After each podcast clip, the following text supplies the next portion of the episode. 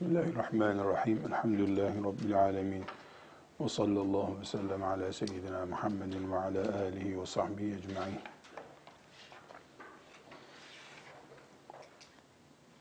Aile ve nikah konularına girmeye başlayacağız. Böylece kadın fıkıh okulunun da en önemli, en gerekli konularından birisine girmiş olacağız. Aileye biçeceğimiz yer, ailenin ne olduğuna, onu nasıl gördüğümüze mümin olarak, ona hangi perspektifle baktığımıza dair sözlerimiz olacak. Bu bölüm aileyi genel olarak ele alan bölüm esasen bir fıkıh bölümü değildir. Daha ziyade fikir olarak, düşünce olarak e, Allah'ın mülkünde bizim bir konuya nasıl baktığımız açısından ele alınacak. Ama bir ilmi makale yazarken, bir konuşma yaparken size ışık tutacak bilgiler ihtiva ettiği için bunu önemsemiş oluyoruz. İnşallah bu aile konusuyla beraber de evlilik, nikah, nikahla beraber ortaya çıkacak olan diğer başlıkları ele alıp devam ettireceğiz inşallah. aile ile biz iki şey kastediyoruz. Birincisi İslam ailesi dediğimiz ümmeti Muhammed diye adlandırabileceğimiz büyük dünyamız bizim. Buna bir aile diyoruz. Biz bir aileyiz. Yani ümmeti Muhammed olarak bir ev gibiyiz demek istiyoruz. İkinci olarak da insanın nikahla bir araya çıkan bir bağ kümesini diyoruz. Bu da küçük ve büyük olmak üzere ikiye ayrılabilir. İnsanın bir küçük ailesi vardır. Bu kadın, koca ve çocuklardan oluşur. Bir de bir de akrabaların bütününü kuşatan geniş bir çerçeve olur. Aile deyince Bunların hepsi hatta bir dördüncü rakam olarak, dördüncü isim olarak bütün insanlığı da aile mefhumunun içine katıp insan olarak biz bir aileyiz.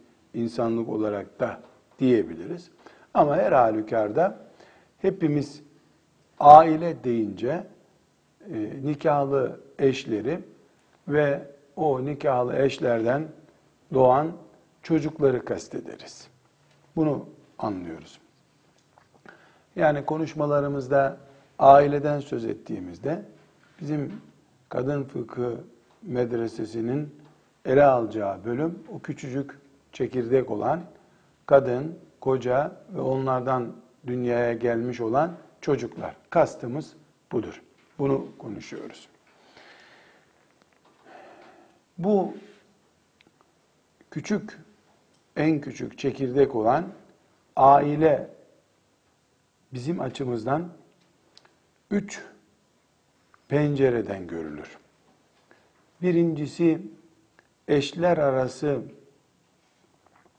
cinsel rahatlamayı sağlayan pencere vardır. Aileye bakarken bu açıdan bakarız. Bir de bu ailenin yakınlaşmasından kaynaklanan Allah'ın lütfuyla yaratılan çocukları görürüz. Çocuk nimeti yani bir cinsellik çekim alanında olma var. Bir bunun cinsellikten kaynaklanan çocuk var. Üçüncü pencerede yeryüzünün imarı görevi var. Çünkü Allah yeryüzünün imar edilmesini insanoğluna görev olarak verdi. Mümin İnsan bu konuda görevli, yeryüzünü imar etmekte. E, bu ancak insanın e, yeryüzünde insan yaratılmasına sebep olmasıyla yani çocuk doğurup büyütmekle mümkün. O da erkekle kadının helal bir şekilde birbirlerine yaklaşmasıyla mümkün. Bunu şu şekilde bir e, çizgi üzerinde görürseniz, yani evlilik iki karşı cinsi bir araya getiriyor. Ondan çocuk oluyor. Çocuk dünyayı imar ediyor. Geriye doğru okursanız dünyanın imarı var. O imar yeni yaratılan çoluk çocuk sayesinde olmuş. O da e, insanın e, erkek ve kadın olarak bir araya gelmesiyle gerçekleşmiş. Böylece anlıyoruz ki Müslüman evlenirken her ne kadar baş göz olma gibi bir düşünceyle e, bir araya geliyorlarsa da neticede yeryüzünün imarı diyeceğimiz kadar çok büyük bir e, görevle karşı karşıya insan. Bu görevi takdir edemediği zaman, e, biraz sonra ayrıntılarına gireceğiz, e, ciddi bir şekilde gereği yerine getirilmemiş, diyelim de çok ağır olmasın, gereği yerine getirilmemiş bir evlilik yapılır. Yani bir Müslüman evlendiği zaman erkek veya kadın şimdi ona düğünler yapılıyor vesaire işte bildiğiniz şeyler ee, bir delikanlıya veya işte onun eşine e, düğün evine girmeden önce dur. Burada dur bakalım. Ne oldu siz evlendiniz, düğün yapıldı, ne olacak? Neticede ne olacak? diye soru sorulsa. Ansızın ama refleksini. Çünkü insana birdenbire sorulan soruya verdiği cevapta refleksi anlaşılır. İşte kalkıp da bunu bir ay sonra cevap ver dersen, kitap yazarsan o konuda, o zaten inandırıcı olmaz. Dur bakalım. Durdum. Niye evlendin sen? Ne olacak? Evliliğiniz nereye götürecek dendiğinde, eğer tıpkı sahabe-i kiram gibi biz yeryüzünü imar edeceğiz, Allah'a secde eden insanlar yetiştireceğiz, şirkin kafasını ezeceğiz diyorsa işte evlilik o.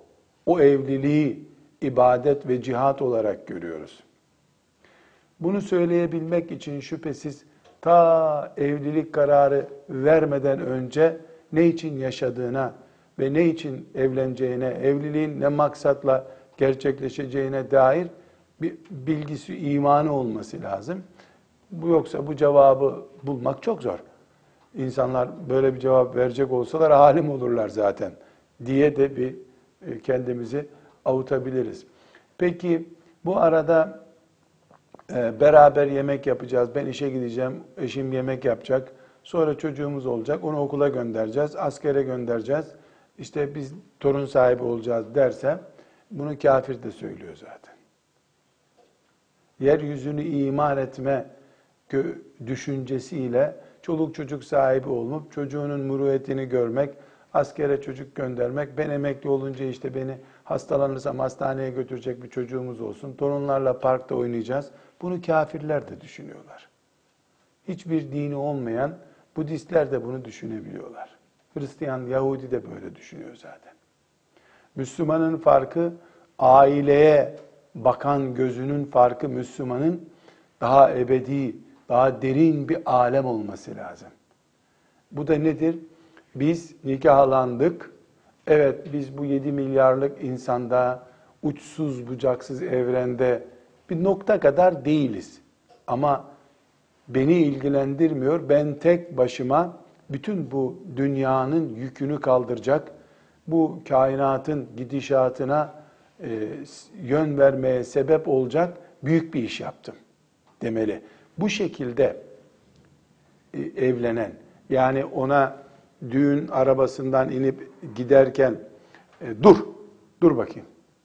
sen niye evlendin, niye bu kadar masraf ettin diye sorduğunda hemen bu cevabı veren birisi düğün arabasındaki çiçeklere, miçeklere takılmaz.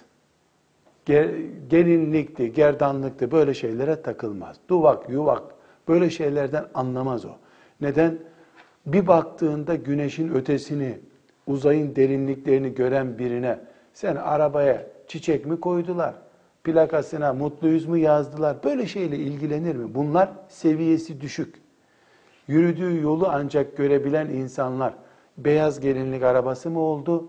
E, Mercedes'le mi evlendi? Yerli arabayla mı gelini taşıdılar? Onlar böyle şeyle ilgili. Herkes düştüğü kalktığı seviyesidir. Düşünceleridir, itikadıdır. Ama çok büyük mücahit hem de çok hafız filan bir kız gene duvak istiyor. Geç sen, geç geç o, o işleri geç. O işte Kur'an'ın durduğu bir raf gibi onun kafasındaki hafızlık. Cennet sevdası şiirlerde söylenen şeyler onun için.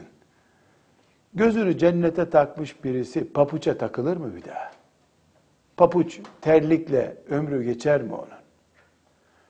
Herkes idraki kadar, gayesi kadar ağırlık taşır. İnsanın gayesi küçülünce ağırlığı da küçülür. Ağırlığı da kalmaz. Bu sebeple her şeyden önce evliliğe nasıl bakıyor Müslüman? Bu çok önemli. Evet, ucunda şehvet, ucunda çocuk büyütmek ve benzeri şeyler de var. Ama bunlar evliliğin asıl gayesinin kaç milyarda biridir. Bunu şöyle bir örnekle örneklendirmek istiyorum. Şimdi e, fırından yeni pişmiş mis gibi bir ekmek alın. Bir ekmek, mis gibi bir ekmek alın. Bu ekmeği önünüze koyun. Bu ekmeğin geriye doğru serüvenini izleyin. Yanınızda bir arkadaş daha olsun. Bu ekmeğimiz bizim. Şu anda mis gibi.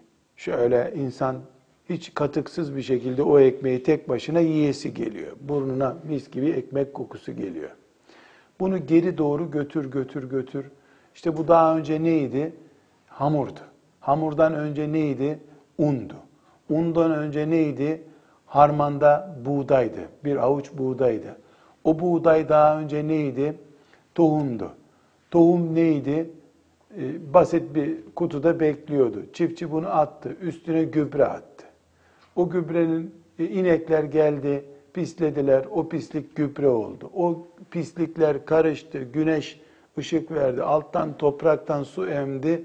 Çamurun içinden buğday çıktı. Yukarı doğru gidelim şimdi. Buğdayı geldiler, harmanladılar. Harmanda onu silolara koydular. Oradan değirmene gitti, fabrikaya gitti, un oldu. Geldi, su döktüler, katkı maddelerini, tuzunu vesairesini kattılar. Hamur oldu, ateş gördü, ekmek oldu. Şimdi yukarıdan başladın aşağı doğru çok berbat bir şekilde iniyor. Aşağıdan yukarı doğru berbat şekilde gidiyor ama sonucu ekmek bunun. Ekmeği sadece o fırındaki mis gibi kokusuyla anladığın zaman bu böyle gökten böyle düştü bu ekmek dediğin zaman gülerler insana. Ama bir avuç gübreye karışmış, işte inek pisliklerine, koyun pisliklerine karışmış ya da azot katkısı yapılmış, fabrikasyon bir gübreyle karışmış bir avuç buğday bu senin 6 ay sonra mis gibi yiyeceğin ekmektir dense ona da güler insan. Böyle ekmek olur mu der bu macerayı bilmiyorsa. Evlilik de böyle. Yani bir Müslüman erkek, bir Müslüman kadın oturuyorlar, nikahlanıyorlar. O nikah onları e, böyle sonunda kainatın yönlenmesine ve yeryüzünün imar edilmesine, Allah'a secde ettirilmesine doğru götürüyor. Bütün bunları konuştuğumuz zaman uçuk gibi, hayal gibi geliyor. Ekmek de öyle hayal geliyor insana. Fırına geliş macerasını bilmeyince insan e, o ekmekle ilgili olayı hikaye olarak dinler. Yeryüzünde e, tek bir e, insan, bir kişi Allahu Ekber deyip secde etmeye devam ettiği sürece kıyamet kopacak mı? Hayır. Çünkü son Allahu Ekber deyip secde eden de gidince kıyamet kopacak. Peki bir kadının doğurduğu çocuk, bir erkeğin büyüttüğü çocuk, onların himmeti, gayretiyle, Allah'ın lütfuyla secde etmeye devam ederse, dünyanın kıyametinin kopmasının engeli o çocuk değil mi? O çocuk. Böylece her anne, her baba e, evlendikten sonra kıyametin kopmasını engelleyecek bir sebebi ortaya çıkarmaya muktedir miler, değil miler? Evet muktedirler. Ya da en azından o gerçekleşmese bile neticede dünyanın hayatının devam etmesi için yapılacak işleri yapan Müslüman olmayacak mı? Niyetiyle kazanmayacak mı? Kazanacak. İşte evliliğe bakış tarzı. evliliğe bakışlar. Bu şekilde bakan mümin Allah'tan büyük ecir kazanır. Bu şekilde bakamayan mümin de zaten evliliğinin ikinci haftasında, üçüncü haftasında o cici laflar bittikten sonra evlilik ona yük gelmeye başlar. Çünkü e, sadece yemek yemek, akraba ziyareti etmek, misafir ağırlamak, e, banyoda temizlik yapmak, camları silmekten ibaret olan bir evlilik bir zaman sonra çekilmez. Küçük gaye. Bunlar bitecek hep çünkü. Ama şu dünyanın e, İsrafil aleyhisselam tarafından e, sura üfürülüp son bulmasına engel olacak olan secde eden son insanı doğurdum ben diye kendisine büyük bir gaye çizmiş bir mümin yeryüzünün ayakta kalmasıdır. Direğidir o mümin kadın. O, o baba, o erkek yeryüzünün ayakta kalmasını sağlıyor ki hayatı, insanlığın hayatı o. Yeryüzünün imarı evliliğe bu şekilde bakmak başka. Böyle bakan duvak mı giydim, e, naylon mu giydim böyle şeyle bir daha uğraşmaz. Düğününe kim katıldı, kim katılmadı buna bakmaz. E, ama böyle bakamayan neye bakarsa baksın o duvak giymeden evlenemez. Herkes giydi ben giymesem nasıl evlilik olur düşünür. Şimdi ben sizlere e, yani sizler benim kızlarımla e, yaşıt e, çocuğum yaşındasınız ama yarın karşınıza çıkacak. Bakın hanım kızlar bir e, evlilik bugün zenginlerin evliliği de dahil bir düğün macerası ile yapılıyor. Nikah bölümünde düğün alternatifleri üzerinde de konuşacağız ama şimdi evliliği zihnimizde bir mümin olarak, şeriat bilen insanlar olarak nereye oturtacağımızı örneklendirmek istiyorum. Zenginlerin de düğünlerinde gördüğümüz bir takı olayı vardır. Düğün yaparken insanlar uçsuz bucaksız denecek bir büyük israf yapıyorlar. 5 kuruşluk bütçelerine 25 kuruş harcama yapıyorlar. Yani edinle budunle sor, sorsan bir şeyi yok ama salonu lüks tutuyor, evi lüks yapıyor, harcamayı lüks yapıyor. Mesela bir davetiye getiriyor senin karşına. O davetiyeye 100 harcama yapılmış. Halbuki aynı davetiye 100 değil 5 harcamayla bile yani yüzde beşi ile yapılabilir. Bir beyaz kağıda salı günü düğünüm var saat 5'te gelin diye yazabilirsin. Bir davetiye ki davetiyenin kendisi bir aile geçindirir. Niye yapılıyor? E, bu davetiye cazip olsun, düğüne gelsin. Düğünde force mu atacaksın, dua mı isteyeceksin sen? Dua ise buradan yapayım senin duanı. Olmaz sen de geleceksin. Niye geleceksin? Çünkü o davetiyenin gereği olarak takı yapacaksın orada. Peki takı olmasa ne olur? Bu kadar biz düğün yaptık. Masraflar nereden çıkacak? E şimdi dilenmek için niye masraf yaptın? Yapmasaydın masraf. Burada senin derdin biz evleniyoruz. Bu evliliğimiz Allah'ın rızası içindir ha. Kaçak bir iş yapmadık deyip ilan etmek midir? Böyle bir düğün senin derdin bu mudur? Yoksa insanların parasını toplayabilmek için midir? 100 lira salona harcarlar, 90 lira toplarlar, 10 lira da taksit borç olur. Bu öyle bir adet haline geldi ki orada toplanacak takıyı çocuğuna bahşiş olarak verecek kadar zengin biri bile takı bölümü hesabı yapıyor. Takı bölümü. Çünkü düğün sanki insanların parasını toplamak için yapılan bir görev haline geldi. Bu bize anlatıyor ki yani çizgiler çok karıştı. Alabora oldu bu çizgiler. Biz Müslüman olarak bu seviyeye düşmemeliyiz. Düşemeyiz daha doğrusu. Bir hanımefendi, bir mümin genç düğünde takıya verdiği önemden daha fazla Allah'ın salih kulları dua etsinler de e, şeytan düğünümüze karışmasın, bereket ve huzurumuz olsun diyebiliyorsa o düğün işte kainatın ayakta kalması için, dünyanın yıkılmaması için büyük gayelerle yapılmış bir evliliktir. Şimdi dua istiyor herkes ama paranı ver sonra dua edersin diyorlar adeta. Sen hele paranı ver, dua kolay, dua, dua camide de yaptırırız.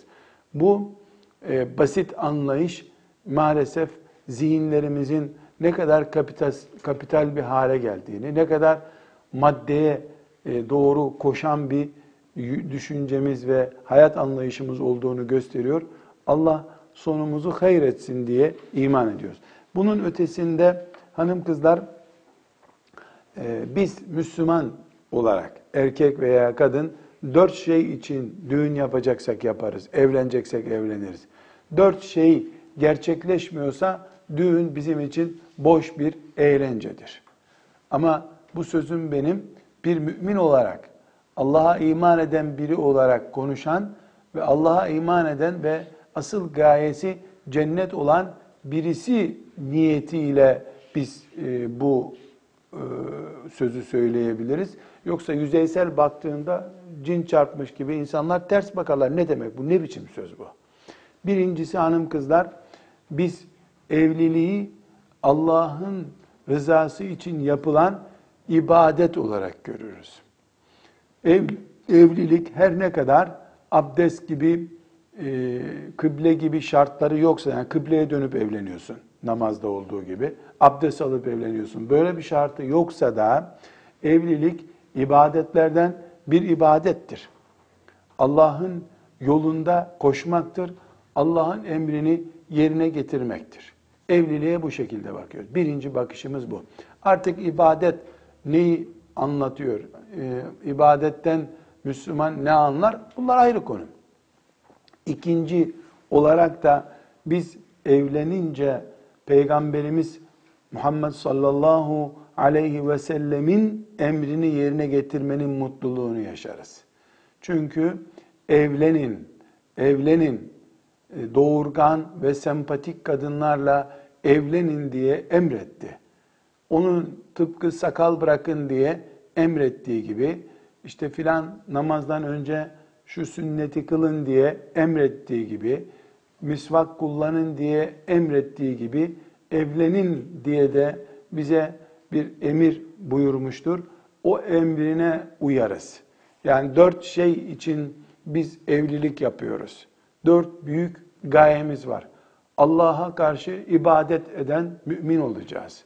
Bu ibadetimiz bizim bayram namazı kılar gibi, kurban keser gibi bir ibadettir. Evlilik. Her ne kadar bu evlilik kıbleye dönüp tesettür vesaire gibi namaz gibi şartları yerine getirilip yapılan bir ibadet değilse de genel manasıyla ibadettir ve bu ibadetin büyüklük oranı dünyanın devam edip etmemesini etkileyecek kadardır. İkinci olarak da sevgili peygamberim bana e, doğurgan ve sempatik kadınla evlen demişti. Ben de bu e, vasiyetine, bu emrine uyarak evleniyorum. Peygamberime uydum. Bu kıyamet günü peygamberimin şefaatine ermem için de bir sebeptir. Onun ümmetinden olmamın gerekliliğini yapmamın da belgesidir. Mümin olarak peygamberime iman ettim. Peygamberim de bana nasihatlerde bulundu. O nasihatleri de yerine getirdim. Bu da onlardan bir tanesi. İki. Üçüncüsü insan olarak Allah beni yarattı. Ben insanım. insan olmak bütün mahlukat arasında en şerefli, en saygın mahluk olmaktır. Bu dolayısıyla çok büyük bir nimettir. Allah beni mümin olarak, insan olarak yarattı. Bir canlıya ihsan edilebilecek, lütfedilebilecek en güzel şey olan insanlığı bana lütfetti Allah. Ve bunun içinde ben yaratılayım diye benden önce bir kadınla bir erkeği nikahlı olarak bir araya getirip yani annemi babamı karı koca yapıp benim yaratılmama Allah sebep yaptı onlara. Şimdi ben insan olarak Allah'tan çok büyük bir nimet gördüm. Ne bu nimet? İnsanlık nimeti. Ben yaratılayım diye, sırf ben yaratılayım diye babam, annem, onun babası annesi, onun annesi babası, onun annesi babası, onun annesi babası, onun annesi babası, onun annesi babası, onun annesi babası, onun, onun, onun, onun, onun, onun, onun, onun, Adem aleyhisselama kadar, Havva anneme kadar Allah belki de 10 bin ana baba kullandı. Sırf sonunda ben yaratılayım diye. Bunun Türkçesi şu ya da şu şekilde izah edilmesi mümkün. Sırf benim yaratılmam için binlerce nikah kıyıldı bu ülke, bu dünya toprağında. Belki on binlerce anne baba yaratıldı. Sırf benim e, Adem Aleyhisselam'a doğru giden zincirim sağlam olsun diye. Bu benim yaratılmamın bedeli. Yani ben yaratıldım, bunun bedeli olarak da bu kadar büyük yatırım yapıldı insan üzerinden.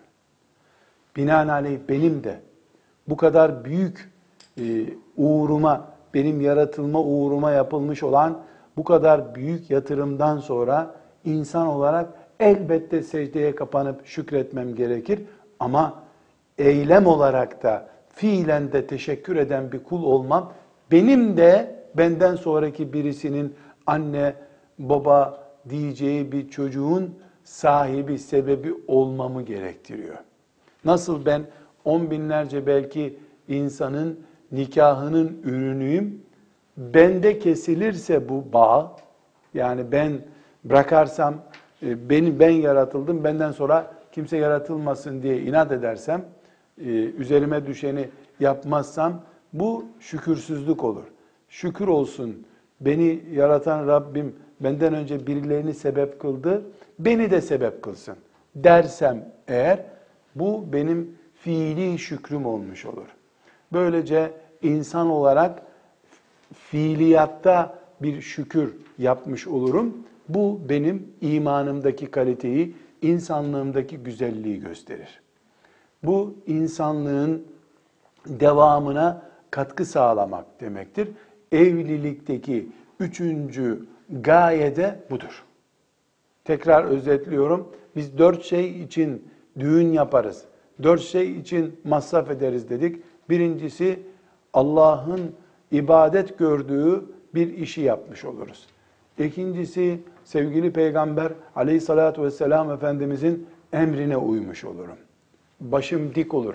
Kıyamet günü sünnetine uyanları, emrine uyanları çağıracakları zaman ben çok doğal bir şekilde onun emrine uymak için yola çıkmış birisi olarak devam edelim. Tabii ki siz de tahmin edeceğiniz gibi peygamberin emrine uyup sonra peygamber yani o evlenip e, işte peygamberin emrine uydum, evlendim deyip içerideki nikahtan sonraki süreci şeytanın emrine göre devam ettirirsen peygamberin emrine uymuş olmazsın. Peygamberin emrini suistimal etmiş olursun.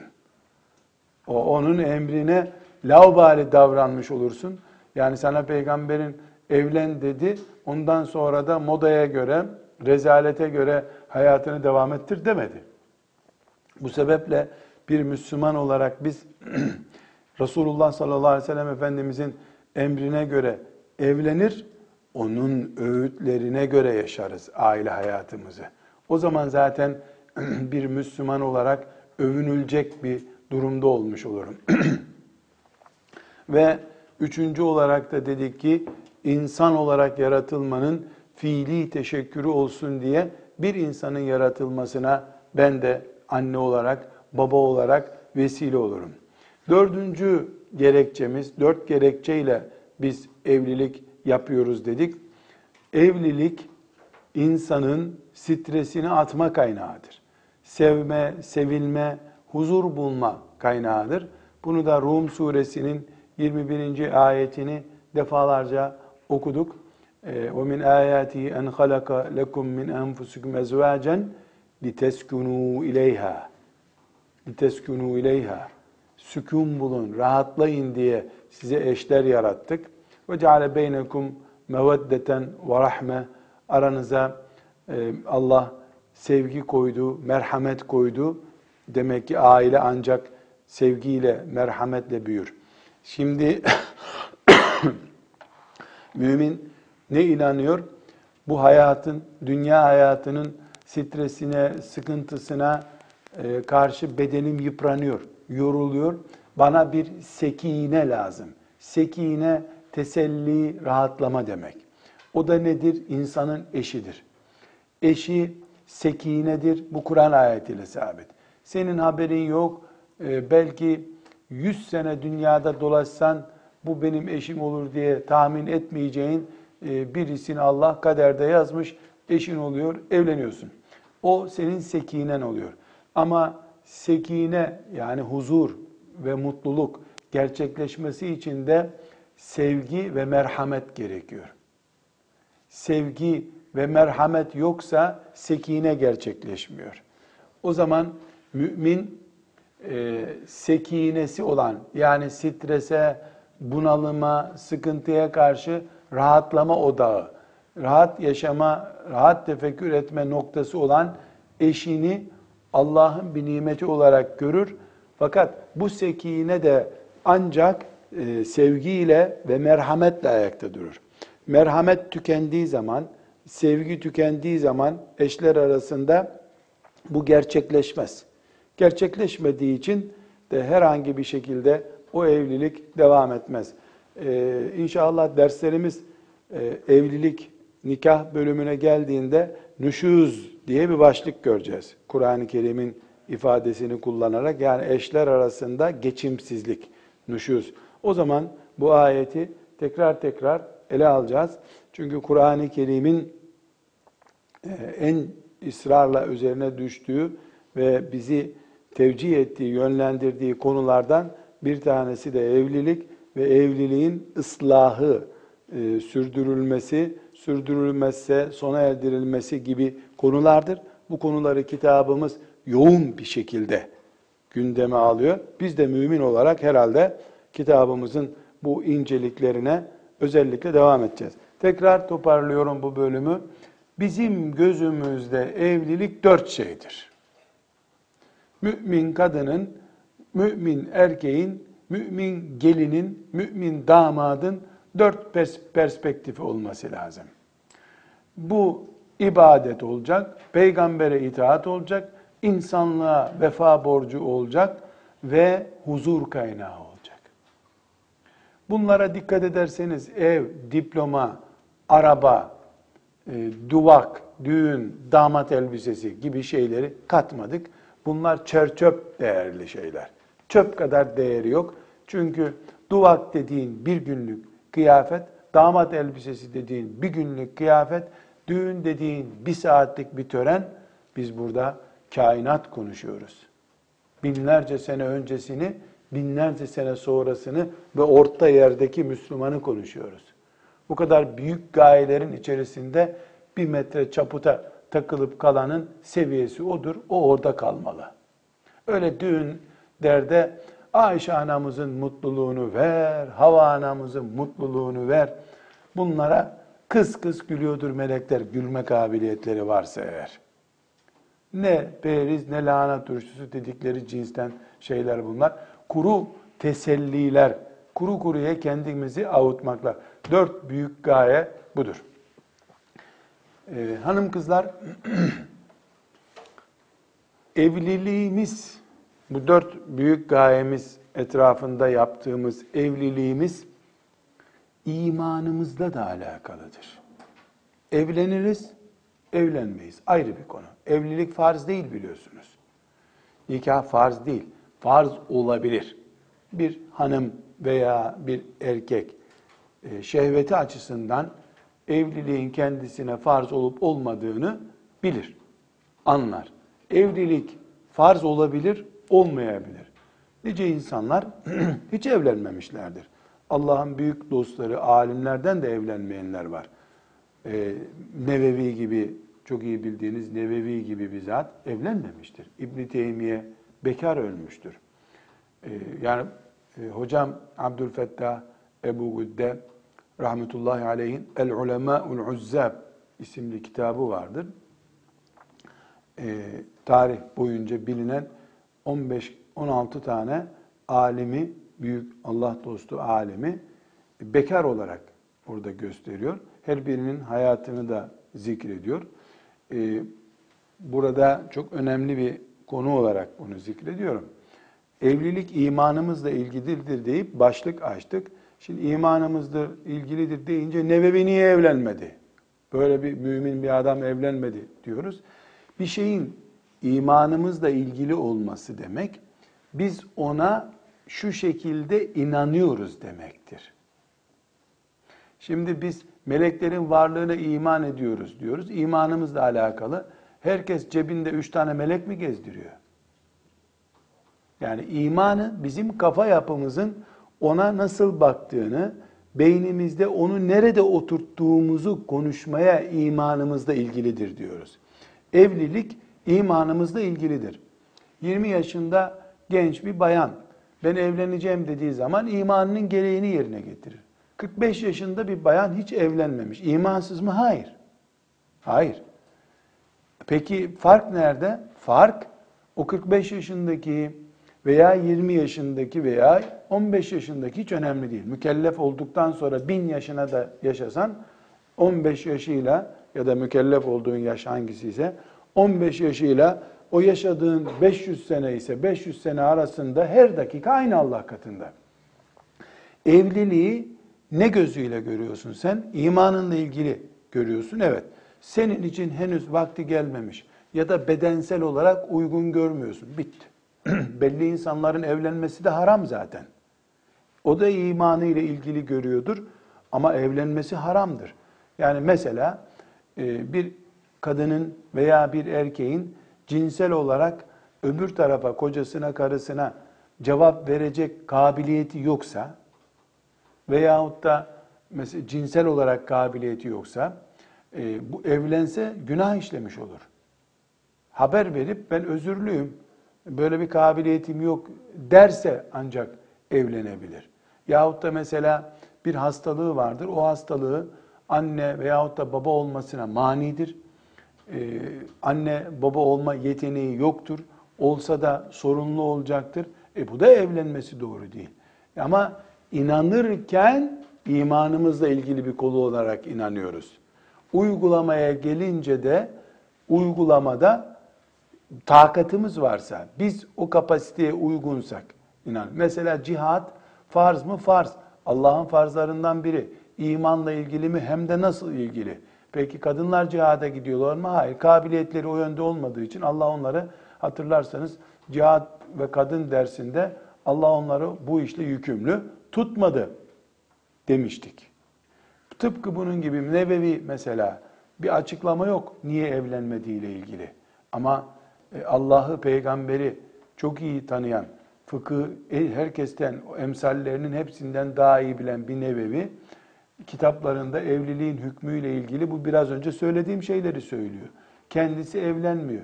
Eşin tutup Sağlık Bakanlığı'ndan rapor mu getirecekti yani ben özürlüyüm bu konuda evlenmiyorum diye. Rabbi ile arasında bir sırrı vardır. O sırdan dolayı evlenmemiştir. Evlenmesi belki sağlığı açısından uygun değildir. Her halükarda yani bir alimin veya bir cahilin, bir Müslümanın evlenmeye imanla ilgilidir diye baktığı halde evlenmemesi başka bir şey. Evlenmeyi sıradan basit, çocuksu bir şey görüp e, ya da işte kadınsa feminist duygularıyla, erkekse işte sadist bir duyguyla yani zalimliğinden dolayı geberteceğim bu kadınları. Kadınlarla bir arada yaşanır mı diyen cahiliye kafasından bir söz söyleyerek e, evlenmiyordur. bununki cinayet, bununki vebal. Çünkü imanla ilgili bir şeyi çok hor görüyor. Allah muhafaza buyursun. Bunun e, biraz sonraki bölümde göreceğiz. İmanından bile şüphe edebiliriz biz bunun. İmanından şüphe edebiliriz. Çünkü evlilik kadın için, erkek için Allah'ın emirlerinden, Kur'an'la ilgilidir. Evet Allah 15 yaşını bulan herkes evlensin demiyor. 28 yaşını bulan evlensin demiyor. 60 yaşına geldin evlenmedin vebaldesin demiyor. Vakti geldiyse evlen diyor. Evlenirsen şu şekilde evlen diyor. Ama Kur'an'ın birinci suresinden son suresine kadar en yoğun bir şekilde ele aldığı konulardan biri evlilikle ilgili konulardır. Kadın erkek konusudur. Bu dersten sonraki derste göreceğiz inşallah. Kur'an-ı Kerim'in kadını zikrettiği alanları göreceğiz. Yani kadın deyince Kur'an-ı Kerim e, bir profil çiziyor. Kadın böyle olsun istiyor. Erkeğe bir profil çiziyor. Dolayısıyla bir şablonu var İslam'ın. Bu şablonda evlilik imanla ilgili bir boyuta oturuyor. Ee, evet, imanın altı şartından biri olarak sayılmıyor evlilik. Neden sayılmıyor? İki şeyden dolayı. Birincisi, e, nice meseleler var ki imanla alakalıdır o. İmanın şartlarından biri olarak sayılmıyor. İki, ikinci sebep, e, orada imanın şartlarından biri olarak Allah'ın kitabı Kur'an'a iman edeceksin deniyor sana.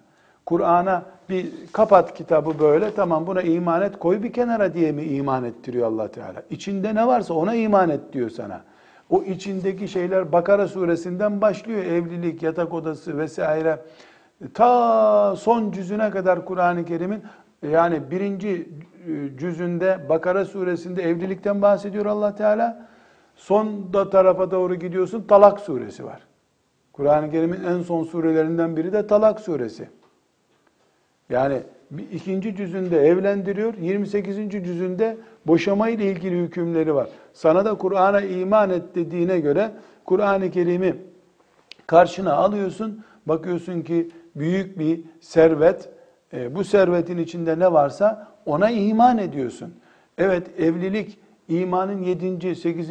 14. şartı değil ama e, imanın şartlarından birisi olan kitaba iman. Kur'an'a iman ve diğer şartlardan birisi olan Peygamber aleyhisselama iman, peygamberin izinden aleyhissalatü vesselam gitme şartını topladığında bakıyorsun ki evlilik peygamber aleyhisselamın karşımıza çıkardığı benim işim. Benim işim. Aleyhissalatü vesselam sözü bu. Benim işim. E dolayısıyla bir mümin peygamberin benim işim dediği bir işe e, tepki göstermez. Ashab-ı kiramdan pek çok bekarlar vardı. Hepsi hemen evli değillerdi. E, sırası gelen evlendi ya da evlenemediler. Efendimiz sallallahu aleyhi ve sellem onlara gidin gelmeyin mescidime demedi. Ama ben evlenip başımı belaya sokmayayım diyene ne buyurdu? Femen ragibe an sünneti feleyse minni. Sen benden değilsin buyurdu. Çünkü iki yani ikisi de bekar. Ama biri vakti gelmedi, evlilik ihtiyacı hissetmiyor, sonra evlenirim düşünüyor. Bir bu. Öbürü de evlilik ihtiyacı olduğu halde refleks gösteriyor. Evlenmeyeceğim diyor. Evlilik düşmanlığı yapıyor. Evliliği hayatın, İslami hayatın, Müslümanca yaşamanın dışına atıyor. Bu suç. Evliliği bu şekilde gördün mü imanının dışına kaymış olursun. Tekrar çok ciddi bir şekilde hanım kızlar iyi anlamanızı istiyorum bu meseleyi.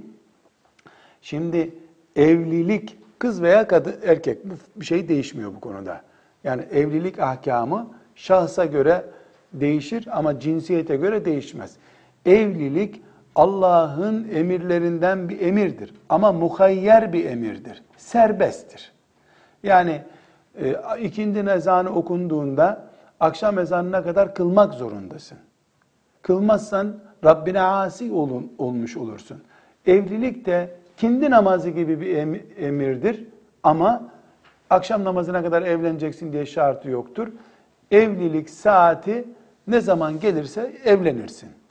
Evlenmezsen bu dünya olarak bunu ihtiyaç hissetmiyorsan hiçbir sıkıntısı yok. Ne kaybetmiş olursun? Ecir kaybetmiş olursun. Sevap kaybetmiş olursun. Çünkü yukarıda ne saydık? İbadet etme, peygambere uyma, insanlığa vefa borcunu ödeme gibi bir sürü bunun yatırımları var. Sevap yatırımları var. Bunlardan kaybın olur. Sermayeden değil de kardan kaybın olur. Ama evliliğe karşı e, Allah'ın düzenini beğenmeme manasında işte şimdiki bu asırda ortaya çıkan kadın düşmanlığı, erkek düşmanlığı cinsinden bir duygu olur. Ki mesela e, özellikle e, Allah sizleri de ümmeti Muhammed'i muhafaza buyursun. E, pek çok kızcağızla yaptığım görüşmelerde neden evlenmek istemiyorsun kızım diye sorduğumda hep karşıma çıkan şey teyzesinin kötü bir şekilde boşanmış olması. Veya annemle babam şu kadar senedir dövüşüyorlar. Ben niye öyle bir hayata gireyim şeklinde gördükleri kötü örneklerden etkilenerek insanlar evlilik düşmanı oluyorlar. Halbuki ben de diyorum ki o tiplere anneni babanı gördün mü? Gördüm. Bu çözülür bir şey miydi? Aslında çözülürdü. Yahut da işte babam yüzünden çözülmedi ya da annem yüzünden çözülmedi. Tamam bak sen yanlışı anlamışsın. 20 yaşına gelmeden kimin ne yanlış yaptığını anlamışsın. Sen niye bu kötü ortamı madem anladın, iyisini oluşturmak için niye bir evlilik yapmıyorsun? Tam öbür açıdan bak. E bana kötü bir eş adayı rastlarsa, e annene kötü bir eş adayı rastladı, e annen kötüyü idare etmesini beceremedi. Sen kötüyü idare etmesini becer. Kimse şöyle bir şey diyor mu? İstanbul'dan Sivas'a giderken bir sürü kaza oluyor. Dolayısıyla madem kaza oluyor ben artık bir daha Sivas'a gitmeyeyim diyor mu Sivaslılar? Onlara oldu ama bana olmaz diyor. Olmaması için dikkat ederim diyor. Olur mu canım? Her yaz tatilinde İstanbul'dan arabalar yola çıkınca onların pek çoğu geri gelmiyor. Geçen sene miydi? 10 bin insan yollarda ölmüş. 10 bin kişi Anadolu'nun pek çok ilçesinden daha büyük bir rakamdır. E insanlar yoldan vazgeçiyorlar mı? Gitmeyelim bir yere diyorlar mı? Demiyorlar. Niye demiyorlar? E hayat böyle devam edecek diyorlar. E evlilik de böyle bir şey. Öncekiler e, kaza yaptılar. Yani yanlış evlilikler yaptılar. Evliliği hakkıyla sürdüremediler. E, biz bu yüzden evliliğe soğuk mu bakacağız? Bakmayacağız. Biz düzgününü yapmaya çalışacağız. Başımıza kaza gelirse de kader böyleymiş deyip teselli bulacağız. Ya da Allah'tan daha e, faziletli bir e, yola bizi e, tevcih etmesini niyaz edeceğiz. Her halükarda hanım kızlar bu cümleleri niye uzattım? Çünkü söylediğim söz ve biraz sonra devam edeceğimiz söz ağır bir söz. Bu e, sıradan bakıldığında Allah Allah imanın şartlarına ilave mi geldi şeklinde e, birisinin günaha gireceği şekilde yanlış anlamasını istemiyorum. Evlilik imanımızla ilgilidir deyip bunun belgelerini getireceğim. İmanımızda nasıl oluyor ilgisi evliliğin? Onun için tekrar özetliyorum. Diyorum ki evlilik müminin imanıyla bağlantıdır. Ama evlenmeyen imansızdır manasında değil. Evlenirken evliliğin oluşturduğu kategori iman kategorisidir. Bu yüzden filanca ile evlenirsin, filanca ile evlenemezsin deniyor. Bir insan öz teyzesiyle evlenebilir mi? Evlenemez. Evleneceğim dese kafir olur. Niye? Çünkü teyze ile evlenilemeyeceği Allah'ın şeriatında hükümdür. Kur'an'la hadisle sabittir. Bir insan öz yeğeniyle evlenmek istese, ben evlenirim dese dinden çıkar.